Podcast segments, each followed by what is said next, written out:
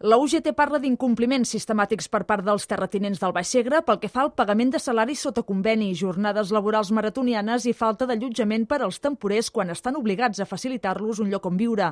Asseguren que només porten a la inspecció de treball els casos més flagrants per no saturar-la, però insisteixen que no són casos puntuals. Xavier Parelló és responsable del sector agroalimentari del sindicat a Lleida. Són grans empreses que tenen grans extensions, tenen hectàrees i hectàrees i hectàrees de plantat i per tant necessiten molta gent treballant i són els que entren amb aquest tipus de subhasta.